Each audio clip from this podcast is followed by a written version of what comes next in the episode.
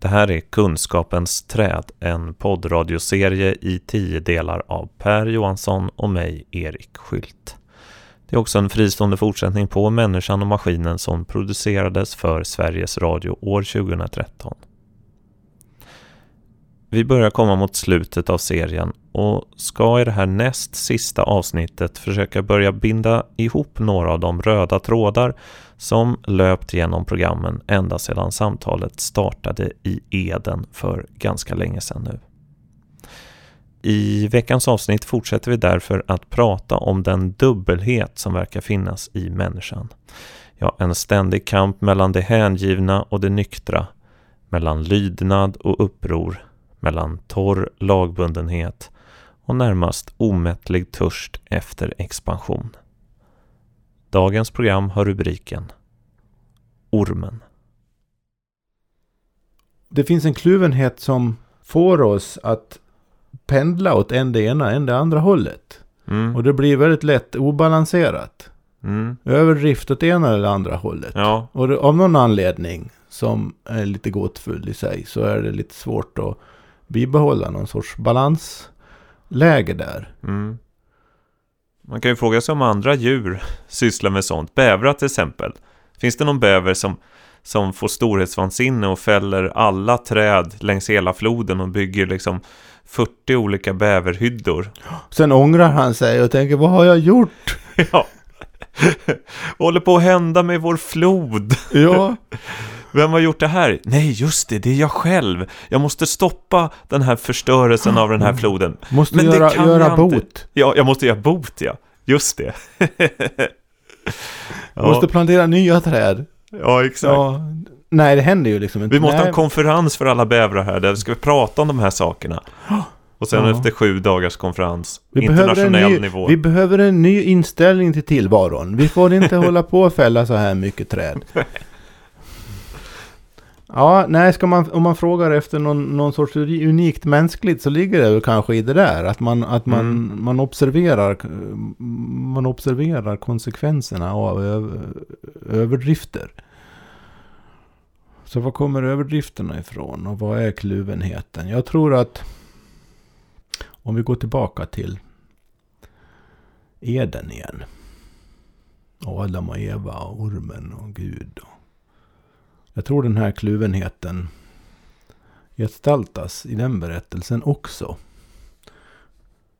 Faktiskt. Vi konstaterar ju i första avsnittet att Adam och Eva lärde sig någonting. När de testade ormens förslag och verkligen smakade på kunskapens träd. Gud hade ju förbjudit dem att smaka på det. Alltså hade han förbjudit dem att lära sig det de lärde sig när de väl åt av frukten. Samtidigt måste man ju säga att de, de, de visste ju saker innan. I och med att de i Eden hade en, en direkt del i det gudomliga skaparljuset. Så de hade ju någon sorts väldigt direkt gudskunskap, om man vill nu fortsätter att tala i teologiska termer här lite grann. Och sen när de åt av frukten så fick de sig till livs en annan sorts kunskap. Grundad i en annan sorts, inte direkt då, gudomlig verklighet. En kunskap som inte var grundad i någon sorts transcendent, eh, okroppslig, intuitiv, eh, omedelbar delaktighet i någonting högre.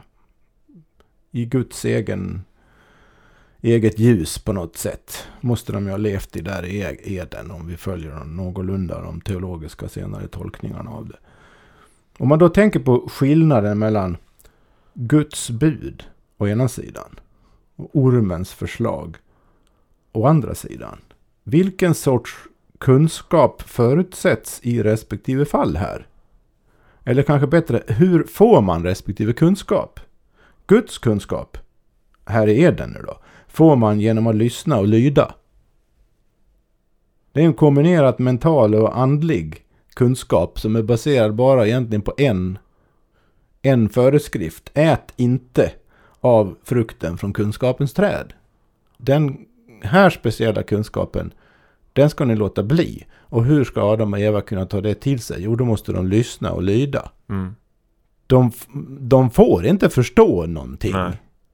De ska bara säga "Ja- yes sir liksom. Ja. Och konsekvensen av, av att lyda Guds bud blir då att man befinner sig i en värld som är ganska så harmonisk men stillastående. Ja, det, in, det intrycket får man ju. Att det, det, på ett sätt händer det inte så mycket. Adam har visserligen en uppgift att, att, att sköta trädgården där och se till att allt mår bra ungefär. Och, och det är allt liksom. Mm. Och Gud verkar gilla det tillståndet också. Ja, och det är på något sätt det, det människan är bestämd till det tillståndet på något sätt där i, i Eden. Och alltså, om- det vill säga, om Adam och Eva hade låtit bli att äta av kunskapens träd. Om människan hade låtit bli det. De är ju män, det är ju människan vi pratar om här. Adam och Eva är ju människan med stort M. Så skulle människan nog fortsatt åtnjuta den här direkta delaktigheten i det gudomliga, transcendenta urtillståndet. Som man kan, kan man säga att Eden är ett synligt och påtagligt uttryck för den harmonin då. En levande men ostörd harmoni och förnöjsamhet. Och den här harmonin, den här förnöjsamheten var någonting som Adam och Eva hade helt gratis. Den var liksom automatiskt inbyggd i Edens natur så länge man i tanken höll fast vid en enda sak. Ät inte av frukten på kunskapens träd. Som kontrast då, ormen vet ju någonting här. Han vet att Gud undanhåller dem någonting. Och han vet att det enda sättet att få veta vad det är, det är att äta. Så den kunskap ormen vill förmedla till människorna skulle man ju faktiskt kunna tolka det som. Den var inte mental, det var inget bud, utan den var intimt kroppslig. Ät! Känn smaken. Låt saften drypa, upplev energin som genomsyrar hela kroppen och se vilken annan värld, vilka andra möjligheter som uppenbarar sig. Och så åt de ju då. Och så dog de från harmonin. Och blev missnöjda. Och började arbeta. I sitt anletes svett. Gjorde saker. Ansträngde sig. Blev utmanade. Och ett av deras barn, Kain, han förde ormens kunskap vidare till alla kommande generationer. Vi spekulerade om att civilisationen har Kain som fader här. Så Kain förde ormens kunskap vidare till de kommande generationerna, till oss allihopa, till alla som inte bara ville vara nöjda, till alla som satte sitt eget skapande, sin egen handlingskraft. Oavsett förbud framför den här strävan och återvända till det gudomliga urtillståndet. Så säger man ja till kunskapens, till frukten på kunskapens träd, så säger man också nej till något annat. Mm. Som en automatisk följd. Och det, på, lite grann kan man tänka sig, kan det ha varit det Gud, Guds avsikt med förbudet var att man inte skulle säga nej till att leva i Guds ljus. Men nejet, det nejet följer av om man ät, verkligen äter den här frukten. Då får man ta de konsekvenserna och då, då avlägsnas man på något sätt från det direkta gudomliga ljuset. Mm. Men i gengäld händer det så mycket annat, får man så mycket annat, öppnas så många andra möjligheter. Ja. En, fråga man får här. Du behöver inte svara på den nu. Den kanske kommer längre fram. Men, men jag blir ju så nyfiken. Och det här är någonting som jag har tänkt på väldigt, väldigt länge. Vem är ormen? Mm. För det är ju någon gåta. Jag menar, även om man behöver inte vara kristen eller religiös överhuvudtaget för att ändå förstå berättelsens, eh, vad ska man säga, mytologiska kvaliteter. Ja, det är ju de vi är ute efter här. Det är de på något sätt som, som jag tycker kan, kan ge någon sorts symbolisk intuitiv tankehjälp för att komma åt djupare skikt i vad det är frågan om här Mm. när det gäller den här kluvenheten Mm, vi inledde med. mm. Men eh, om vi har Gud som står för lydnaden men också harmonin. Så har vi en annan gestalt som står för, vad ska man säga, upproret. På något sätt. Men det upproret kommer enligt den här berättelsen inte från människan själv utan det är en extern kraft. Som eh, lockar eller väcker eller... Det, man, man, kanske kan tänka på det i termer av en potential, en möjlighet som ormen visar på. Och apropå frågan, vad, vem är ormen? Ja, det skulle vi ju naturligtvis kunna göra e, e, ett helt eget program om. Men det är ju lite kul att spekulera förstås. För mig är det, är det ju tydligt att, att ormen vet mycket mer om Gud och om skapelsen och Eden och människan och, och, och, så vidare än vad Adam och Eva själva har klart för sig. De, de lever ju i någon sorts okunnighet egentligen. Gud har sagt till dem vad de inte får göra, men han har inte förklarat varför överhuvudtaget. Han har inte gett något sammanhang, han har inte avslöjat någonting. Och som vi såg i första programmet i den här serien om Eden, vad som hände där, så, så verkar det som om han faktiskt aktivt undanhöll människan. Avsiktligt, menar jag. Av undanhöll människan någonting. Som ormen tycker att varför ska man underhålla människa, un, undanhålla människan det? Så ormen och Gud vet samma saker egentligen. Fast de drar olika slutsatser skulle man kunna säga. I förhållande till människan. Gud tycker bara det räcker med att säga låt bli. Och vet också att låter de bli så får de fortsätta att leva i harmoni i all evighet. Ormen vet att om de äter, alltså inte lyder, så kommer de att upptäcka en annan värld. Världen blir egentligen större men också jobbigare. Och sen är det det där att Gud konfererar med någon. Nu då, efter de har ätit frukten här nu då. Nu har de ätit av kunskapens, frukten på kunskapens träd. Nu måste vi se till så att de inte kommer åt frukten på livets träd också. Och så sätter han upp eh, häftiga skydd där mot. Så att de inte ska komma åt livets träd. Efter utdrivandet från Eden så ska de verkligen inte kunna ta sig fram till livets träd igen. Vem är det han pratar med där? Mm, för att han säger vi. Ja. Han, tänk om det är ormen han pratar med. Ormen och Gud är på något sätt två sidor av två personifikationer av, av samma verklighet på något sätt. Så Gud liksom delar sig. Aj, vi ska nog inte ge oss in i det här, det blir så himla... Jo, men det här är spännande eh, alltså. Men säg så här, då, Gud har en tvilling. Ja, om vi säger det finns en, det finns en någon sorts absolut urgudomlighet som går ut över allting och som, man inte, som inte går att personifiera överhuvudtaget. Och för att man ska kunna prata om de, den här transcendenta, ö, egentligen översinnliga, världsskapande makten överhuvudtaget så måste man personifiera den på något sätt. Och här har vi ju då i, i Eden två personifikationer av transcendenta makter. Vi har det som översätts på svenska med Gud. Och vi har ormen. De måste ju stå varandra väldigt nära. Eller hur? Ormen har ju senare teologi förknippats med djävulen, men det, det kanske är fel. Det kanske är en efterkonstruktion som egentligen inte stämmer överens med vad, vad, vad man kan vad potentiellt skulle kunna utläsa lösa ur den här grundberättelsen. Vet vi ens hur ormen såg ut innan syndafallet? Nej, just det. Det är ju en bra fråga. För att han är en av markens vilda djur eller något sånt där. Står det. det står ingenting om att han är en orm. Däremot efter syndafallet så förvisas ju även ormen och förbannas ormen och får krypa på sin buk. Det måste ju betyda att han kröp inte... Vem nu ormen inom citationstecken är från början så kröp han inte på sin buk. När han först pratade med Eva där vid trädet. Så han måste ju ha varit någon annan sorts gestalt innan ju. Och det är inga andra djur i Eden som kan tala. Nej. Eller tänka. Nej.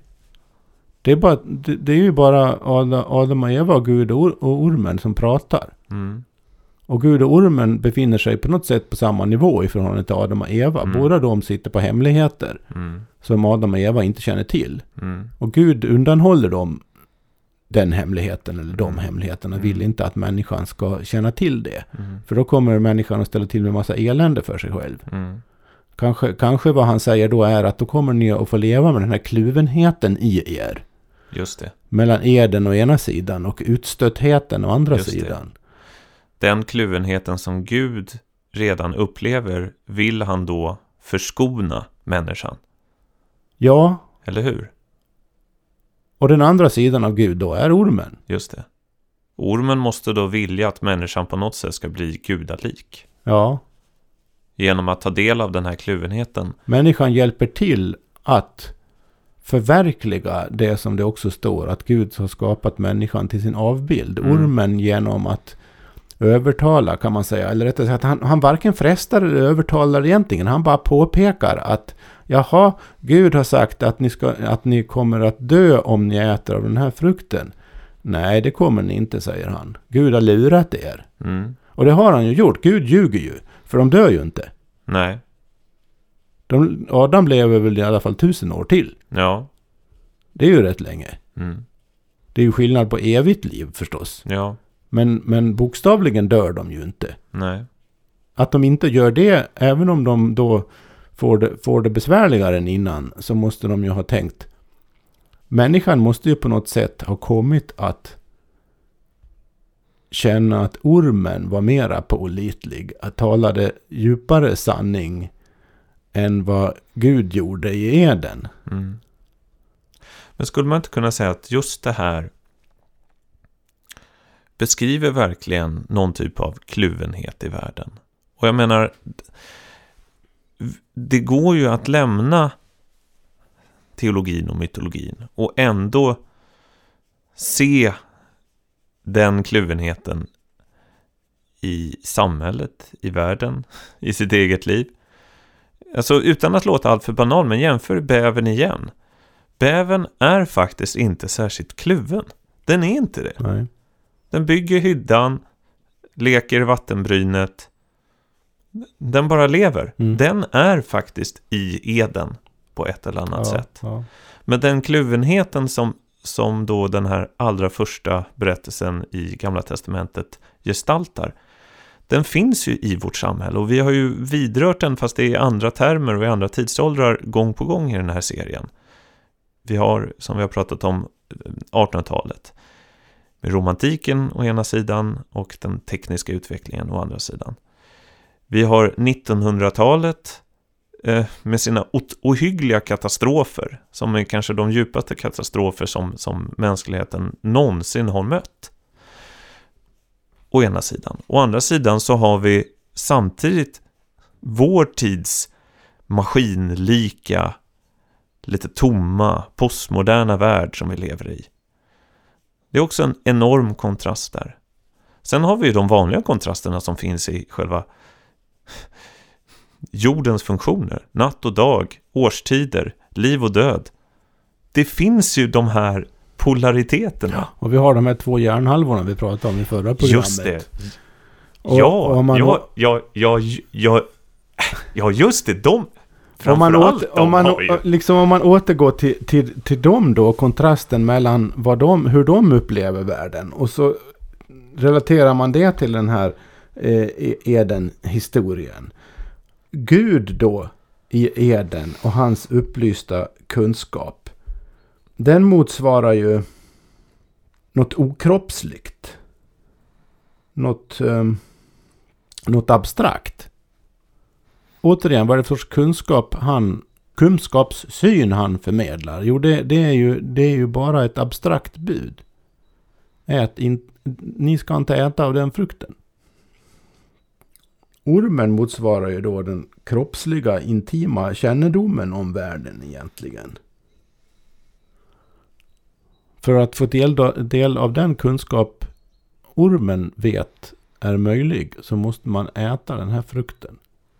Det är en kroppsligt erfaren kunskap. Och höger hjärnhalva är förknippad med kroppskännedom.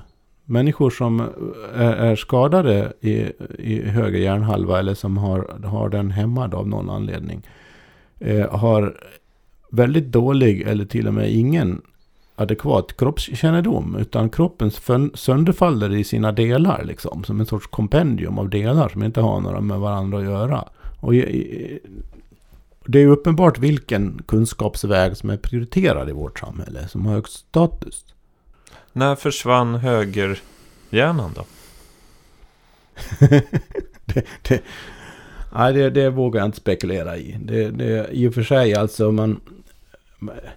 Det finns ett... Det uppstår ett brott. Eh, om man tänker på det, det är historiskt då. Det uppstår ett brott någon gång på omkring 1000-talet, 1100-talet i Västeuropa. Om vi håller oss till vår del av världen här.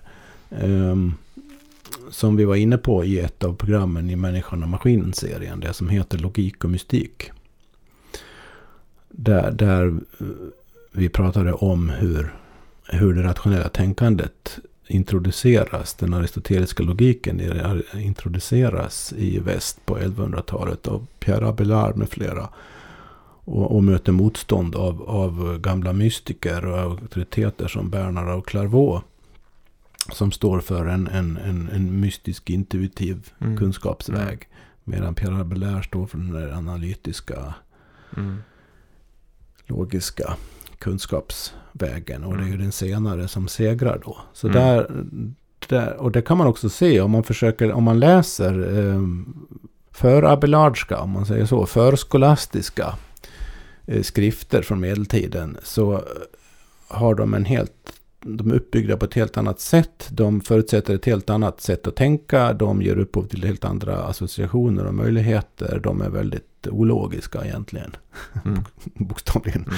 Mm. Eh, medan därefter så breder skolastiken ut sig. Det analytiska förnuftet eh, tar över kan man säga. Den lärda världen mer och mer. Och det, det, här är ju det är kanske det här som är den egentliga början på den moderna världen. Snarare än industrialiseringen.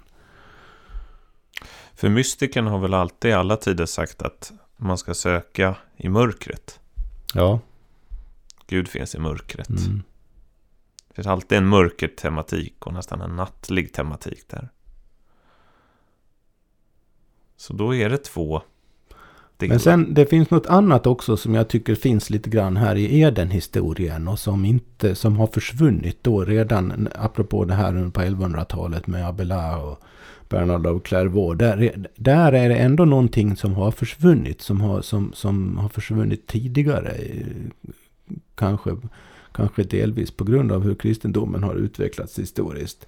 För i, i den här e- Eden-berättelsen så finns det den här kontrasten mellan en, en, en sorts mentalt oreflekterad lydnad å ena sidan.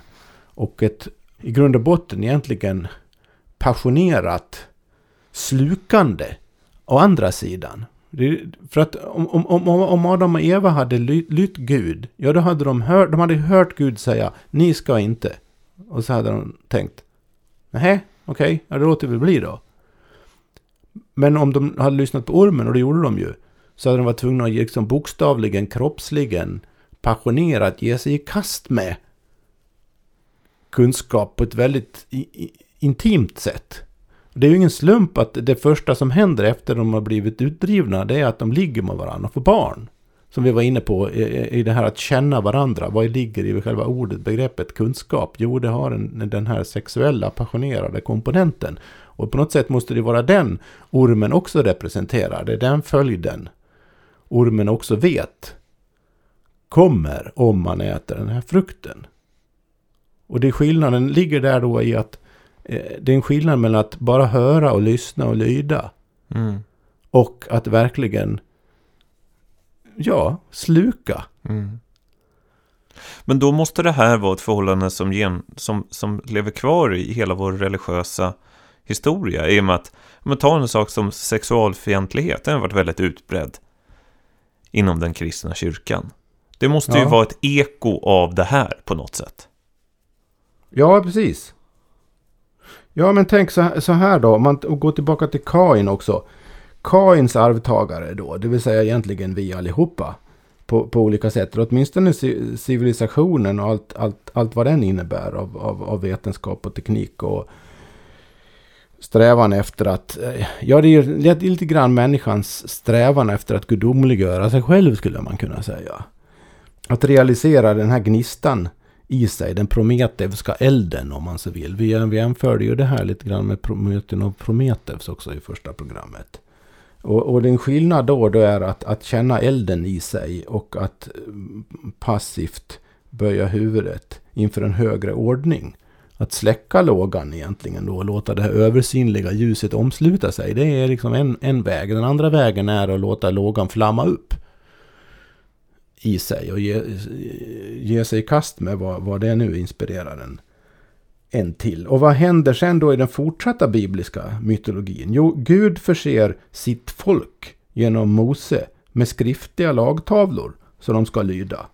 Och böcker som de ska läsa och tro på. Mentala, intellektuella saker mm. är det vad Gud fortsätter att förse dem ja. med. Och vad är de här böckerna emot? De är emot all dyrkan eller betoning av det eldiga, det okontrollerade, det kroppsliga, det sexuella, det feminina. ja. Allt det är de ja. emot. Ja. Och om, om den här tolkningen håller som vi varit inne på när det gäller ormen då, så är det ju egentligen den sidan av, av tillvaron som han förespråkar och bejakar och tycker att människan ska verkligen ge sig i kast med. Så du har, där har du den där kontrasten mellan, ja. mellan det abstrakta på sätt och vis och det, det, det konkreta. Ja. Mell, mellan eh, ett mentalt analytiskt förhållningssätt eh, å ena sidan och, och en, en, en ja, ett passionerat skulle man kunna säga å andra sidan. Mm. Men det intressanta är ju om man tittar på världshistorien så är det ju nästan ingen civilisation som har lyckats kontrollera sig på det här sättet. Nej. Det verkar vara helt omöjligt. Ja. Och, och, och det mest skrämmande är att de, vad ska man säga, samhällstillstånd där det råder hård kontroll, de verkar ha en större tendens att slå över i den här flammande elden som kanske bränner sönder nästan allt. Alltså det är någon, någon typ av omöjlighet som ligger inbyggd i viljan att, vad ska man säga, förtrycka då ormens ja, ja, det, idéer när det, de väl är liksom planterade, vilket mm. de är ifrån dag ett mm. egentligen. Mm. Det, det verkar omöjligt och det, går man till Gamla Testamentet så, så är det något genomgående att Gud kommer med bud, människorna bryter det. Gud blev ja, besviken. Det är nästan det enda det handlar om på sätt och vis. Ja, det kan man säga. Och egentligen om man skulle dra den historien kort så Gud kommer med bud, människor bryter, Gud kommer med bud, människor bryter, Gud kör en syndaflod. Ja, det blir lite bättre, men sen faller det ner igen. Till slut så kommer då Gud i, om man ska tro på det nya, nya testamentet, kommer Gud i egen hög gestalt, fast i form av ett litet barn, och själv blir människa. Och då verkar han bli lite chockad. Oj, var det så här jobbigt att vara människa? Ja, okej, okay, då, då skapar jag ett nytt förbund då. Men där. det intressanta där då, det är ju Jesus du pratar om. Ja. Där. Och han, han förkroppsligar ju egentligen både Gud och ormen i, så som de är i Eden. För han säger ju till exempel, mm. ni ska äta mitt kött och blod. Ja, just det. Och det är en inkarnation, det är ett förkötsligande han representerar. Mm. Så Jesus är lika mycket orm som Gud egentligen. Om man, om man kör med den eh, analogin. Jesus är den nya frukten. Ja. Mm. Kanske man kan säga. Mm. Men det finns definitivt väldigt mycket av, av, av ormen i Jesus. Lika mycket som, som av Gud. Ja. För Gud, eller vad säger jag, Jesus kommer ju inte med några nya bud överhuvudtaget det, mycket av det han säger och gör har, har förvandlats till bud sen i den kristna kyrkan. Men själv skrev han ju ingenting. Själv sa han ju ingenting som, som, som man skulle eh, lyda på det sättet man skulle lyda de tio budorden. Nej. Han, in, han inför ju någon sorts eh, helt ny fri, fri dimension här som inte fanns innan. Mm. Det här är ju väldigt intressant för att Jesus har ju också de här aspekterna. Dels så är han ju en vishetslärare. Han har en, en, en ja, vad ska man kalla det utan att det låter banalt. Men han, han har bra kontakt med det gudomliga. Samtidigt som han utsätts för någonting otroligt kroppsligt. Han blir torterad till döds. Och vilka är det som är emot honom? Jo, det är ju, det är ju de skrifttrogna. Mm, just det. Det är sant. Vad är, det han, vad är det han gör när han bryter mot sabbatsbudet till exempel? Jo, han bryter ju mot en skriftlig lag. Han bryter, ju samma typ av upproriskhet egentligen. Som, som eh, Adam och Eva ägnar sig åt när de smak, äter av frukten på kunskapens träd. De Mm. bryter mot ett förbud. Mm. Jesus bryter mot en, också mot en massa förbud. Mm. Det här är ju märkligt alltså. Nej.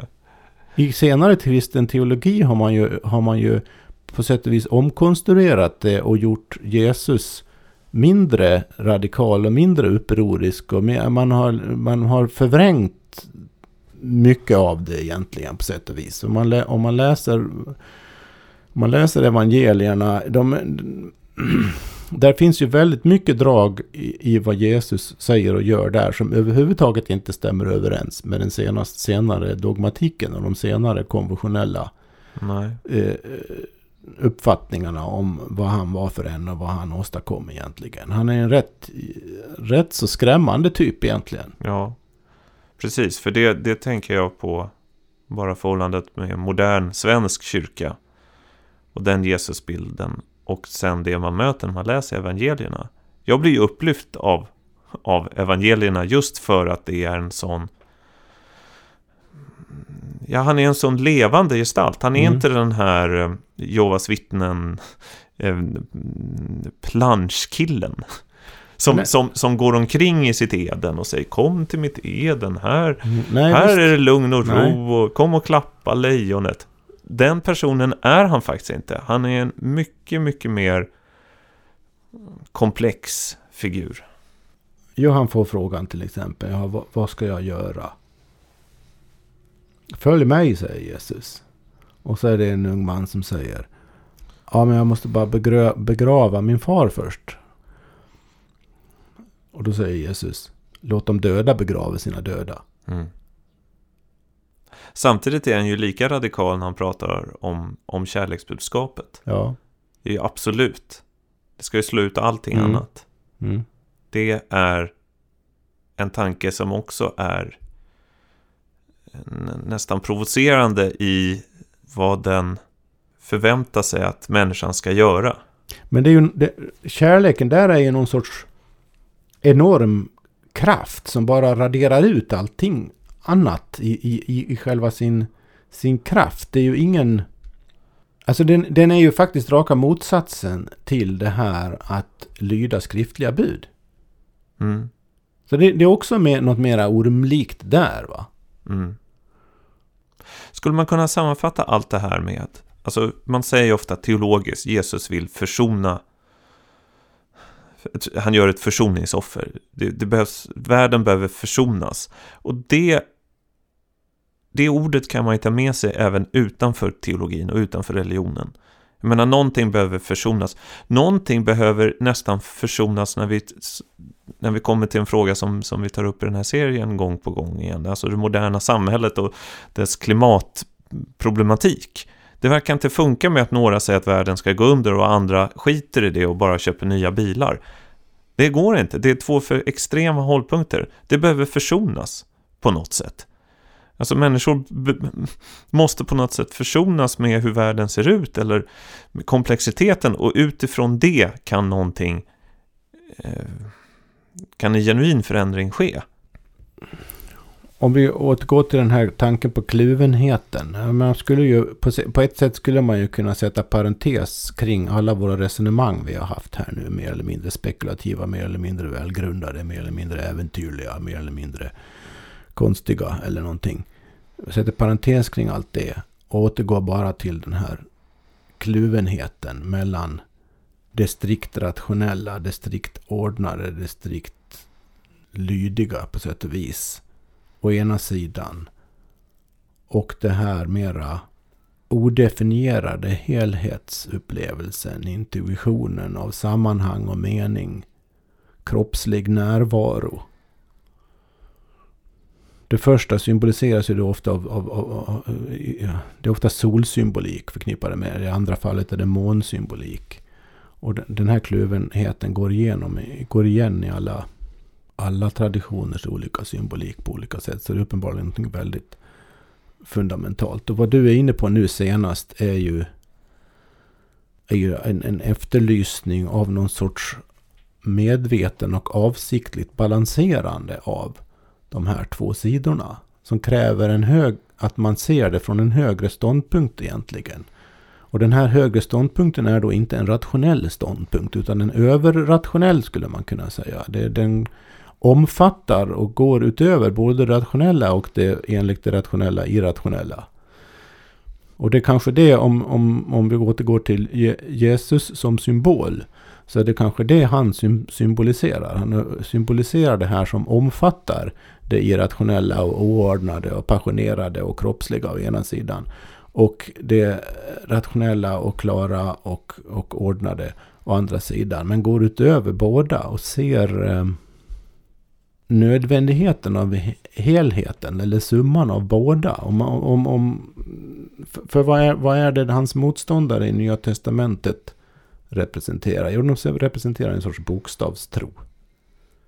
Och vad, vad är det för någonting som på sätt och vis hjälper till att genomföra hela det så kallade frälsningsdramat här? Jo, det är en, en, en massa våldsamma och irrationella faktorer, inkl, inklusive mycket av hans eget beteende. Och så försonas de, alltihop det här på något sätt syntetiseras och försonas i, i, i döden på korset och får man inte glömma det mest väsentliga, återuppståndelsen. För då, då åt, Jesus återuppstår då i, i en i och för sig kroppslig gestalt, men en annan sorts kroppslighet. Uppenbarligen. En, en, en, en, en sorts åter, återsyntes av något som har fallit sönder. Men för att ta en sak, jag, jag, kan göra en liten parallell. Det här med arvsynd, det säger ju väldigt många att och modern svensk kyrka brukar tona ner det där. Och människor säger ofta det om man får, när de får frågor om kristendomen att nej, men det är nog i alla fall någonting som jag inte kan tro på. Att man skulle födas med någon slags synd, det låter ju helt sjukt. Men om man tittar på hur modern svensk offentlig debatt ser ut så tolkar jag den som att den är fylld av arvsynd. Alltså människor som upplever att de har ett ok från historien, från saker som de själva egentligen inte har så mycket kontroll över men som har fallit ner i deras knän och som därför tynger dem. Och i ett land som Sverige så är det dels handlar det om västeuropeisk imperialism under 500 år som skapat enormt mycket lidande och som har skapat en typ av arvsynd. Och den arvsynden kan ju vara reell, alltså, jag menar inte att den är påhittad. Och sen så har vi till exempel klimatfrågan som också har arvsynsaspekter i sig. Och där är det ju väldigt tydligt egentligen. Ja, där är det extremt tydligt mm. för det är så många konstaterat. Vem, vem kunde veta att eh, koldioxid var dåligt för atmosfären när man började elda, eh, elda olja liksom i slutet av 1800-talet? Nej. Det, det är svårt att säga. Mm. Svårt, att, mm. svårt att tänka på det. Man kan ju säga att inte att de var onda som byggde det... den första bensinmotorn. Nej, där är ju någon sorts... Det, det, det, det där är ju kan man skuldbelägga omedvetenhet? Ja, det kanske man kan, men det kräver ju en helt annan, annan, annan metafysik egentligen än till exempel att skuldbelägga nazist, nazismen och, och dess följder. Där är det ju mer en, en uppenbart moralisk mm. fel, något ont som begås. Ja, det är ju, de det är ju lätt, alltså det, är ingen, det, är ju, det krävs ju ingen märklig metafysik för att skuldbelägga arvsyndsmässigt så att säga. Mm, mm. Där, däremot när det gäller klimatfrågan, vad, vad, vad, består skulden i? Ja, det är ju bara en historisk skuld.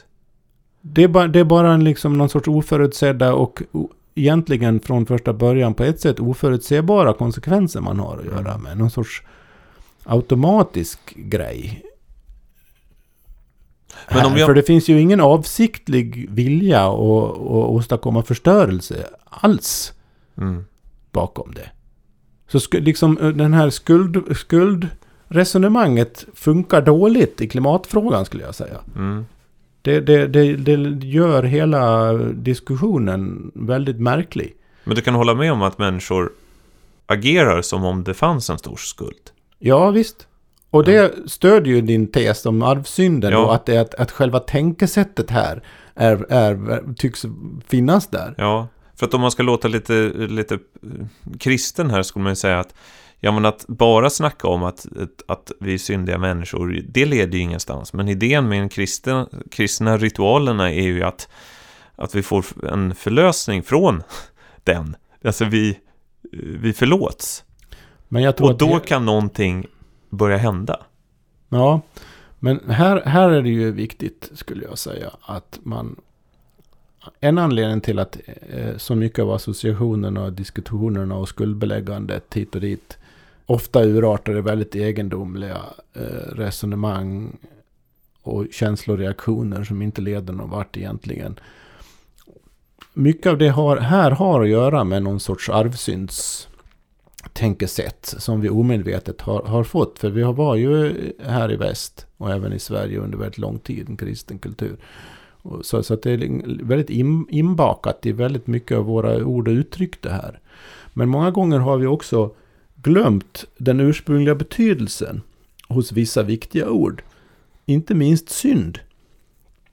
I Nya Testamentet på grekiska så är ordet där hamartia. Och det är ursprungligen i grekiskan en... Har, så, som så många grekiska ord så har det flera närliggande betydelser. Men en, en ganska central betydelse här, ursprunglig betydelse, är att det är en term från bågskytte. Bågskytteområdet. Och det betecknar då att missa målet. Som att synda är att missa målet. Och då blir det plötsligt en helt, om man använder det här i metaforisk betydelse, så får det plötsligt en helt annan innebörd än vi i modern svenska fäster vid ordet synd. Eller för den delen i, i, i kristen tradition många gånger. För vad är, vad är målet när, man, när du övar bågskytte? Det är ju centrum Ja. i en cirkel va? Mm. Och hamnar du utanför centrum, då har du missat målet. Då har du syndat. Mm. Och vad är centrum? Det, kan ju, det måste ju vara det som transcenderar, går utöver, samlar, sammanfattar sidorna. Periferin. Mm. Om vi återgår till kluvenheten, så det, det som stå, står över och på, på något sätt förenar kluvenheten, det är centrum. Mm. Så synd är att vika av åt ena eller andra hållet för mycket. Mm. Att bli för lagisk eller för passionerad. Ja. Om du är mot passionen, Mm. då syndar du. Om du är helt mot allt vad lag heter, då syndar du. Mm. Men om du inser och utövar ett eget omdöme som innebär att du är centrerad Mm. och, och ifrån fall till fall, i situation efter situation, allt eftersom kan avgöra via din intuitiva centrerade urskiljning var balansen ligger i just det här fallet utan att göra en lag av det på en gång. Mm. Då håller du dig i centrum. Då syndar du inte. Ja, då handlar alltså syndbegreppet egentligen om ja, men samma sak som stod som inskription till ingången till oraklet i Delphi. Känn dig själv. Ja, och vad säger Jesus till, till sina potentiella lärjungar? Han säger Jag är vägen, sanningen och livet. Mm. Jag är vägen. Mm. Vägen är förresten också en översättning av det kinesiska begreppet Tao. Ah. Och Tao handlar ju om balans. Mm. Så genom att följa Jesus så blir man balanserad. Mm. Okluven. Mm. Återförenad på något Mm. sätt. Centrerad. Mm. Det är vad han säger. Jag har en bok här i bokhyllan som... Ja. av en um, östkyrklig ortodox munk som heter Hieromunk Damaskin. Den heter Christ, the Eternal Tau. En tjock bok som visar de enormt starka parallellismerna som finns mellan Jesus-gestalten och allt han gör och säger å ena sidan och den taoistiska visdomsvägen å andra sidan. Mm. Och det här är ingen new age-flummare som har skrivit den här boken utan en munk i ortodoxa kyrkan. Mm. Den här sortens synsätt på, på den kristna symboliken och den kristna traditionen är betydligt fruktbarare egentligen än, än, än det mesta man stöter på i den vägen. Mm. För att det gör då att man, man um, ser parallelliteter överallt i så fall. Det öppnar ju också upp en från modern svensk synpunkt oreligiöst sätt. Klokt tänkande sätt att närma sig det hela. Mm. Ett tänkande sätt som inte bara är rationellt analyserande då, utan, utan reflekterande på ett djupare plan. Mm. Men man undviker den, alla de här totalt meningslösa debatterna som vi har berört också ja. om, om, till exempel kreationister och evolutionister. Ja. Som, som är helt irrelevanta och perifera i förhållande till det vi har mm. kommit in och pratat om nu. För att det intressanta med att ha ett sådant synsätt på världen och på teologin och på mytologin, det är att den, den, den blir reell. Alltså den handlar om oss nu. Ja. Det blir inte, för att den uppfattningen får man ju ofta om, om religion, att, att det är något, som någon slags... Det är om en annan värld. Alltså det, det, är en, det, är en, det är en värld som inte har någonting med den här världen att göra. Men så kanske inte det är, utan det är precis tvärtom. Ehm, um, man, man, man, kan ju tycka att, att det är märkligt att vi har en sån här serie som eh, handlar så mycket om modern vetenskap faktiskt. En del vetenskapshistoria, men ganska mycket modern vetenskap och, och någon slags samtida syn på samhället. Där vi hela tiden återvänder till en tusentals år gammal berättelse om någon slags eh, eh, trädgård där en orm Ja, precis. Snackar. På ett plan låter det ju helt frykt ju. Ja. Eh, nej, men visst, jag, det måste ha att göra med, det finns, måste finnas, jag, som, jag, som jag nämnt i något program, om, om jag bara tänker väldigt personligt för min egen del här nu, då jag började ju i fullständigt uppslukad av och övertygad om den vetenskapliga änden, det vetenskapliga synsättet på allting.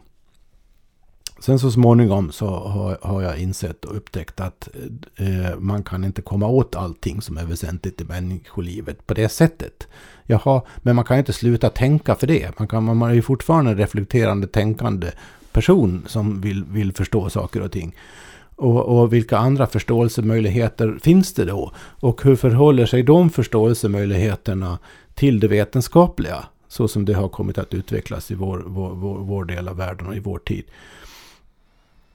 då kan man inte, då, då återupptäcker man kan man säga de gamla mytologierna, de religiösa föreställningarna. Men man kan ju inte ta dem till sig om man har den mentalitet som jag har i alla fall. Så kan man, man kan inte ta dem till sig om man betraktar dem som religiösa i konventionell bemärkelse.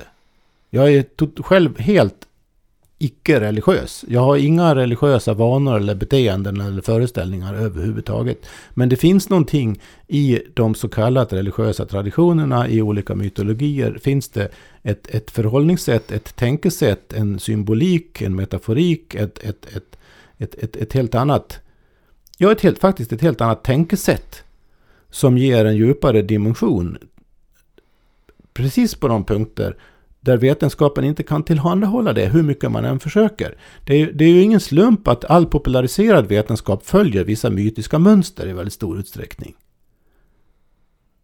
Fast när man så fort man börjar, och, och, och många blir ju fascinerade av vetenskap av den anledningen. Sen när man börjar studera någon vetenskap i detalj på riktigt på universitetet så försvinner det här mytologiska helt och hållet. Men som människor, som helhetsvarelser, liksom, så ja. behöver vi ju ja. den här andra dimensionen. Och hur pratar vi om den? Jo, vi, det, det, finns inget annat sätt att prata om, om den. Och använda den för att väcka associationer och, erfarenhetsmöjligheter av olika slag än att faktiskt använda den, att ta den på allvar Ja. att, och att inte försöka rationalisera den heller för mycket. Och på så sätt, det du beskriver nu är ju ett försök att försöka hålla, vad ska man säga, de båda hjärnhalvorna levande. Så skulle man faktiskt kunna, ut, eller man försöka balansera deras, deras respektive bidrag till verklighetsupplevelsen och verklighetsuppfattningen. Mm. Jag tänker så här. Det här är vårt näst sista avsnitt. Mm, Det du just sa var ju, är väldigt intressant. Men jag får en stor fråga i mitt huvud. Mm. Men den ska jag hålla på Okej, till sista programmet. sista programmet. Exakt. Du har hört det nionde avsnittet i poddradioserien Kunskapens träd. Ett program av Per Johansson och mig, Erik Skylt. Dagens avsnitt hade rubriken Ormen. Vill ni komma i kontakt med oss så hittar ni all information på vår hemsida kunskapensträd.se. Kunskapens träd är ett ideellt projekt som drivs av Per Johansson och mig, Erik Skylt.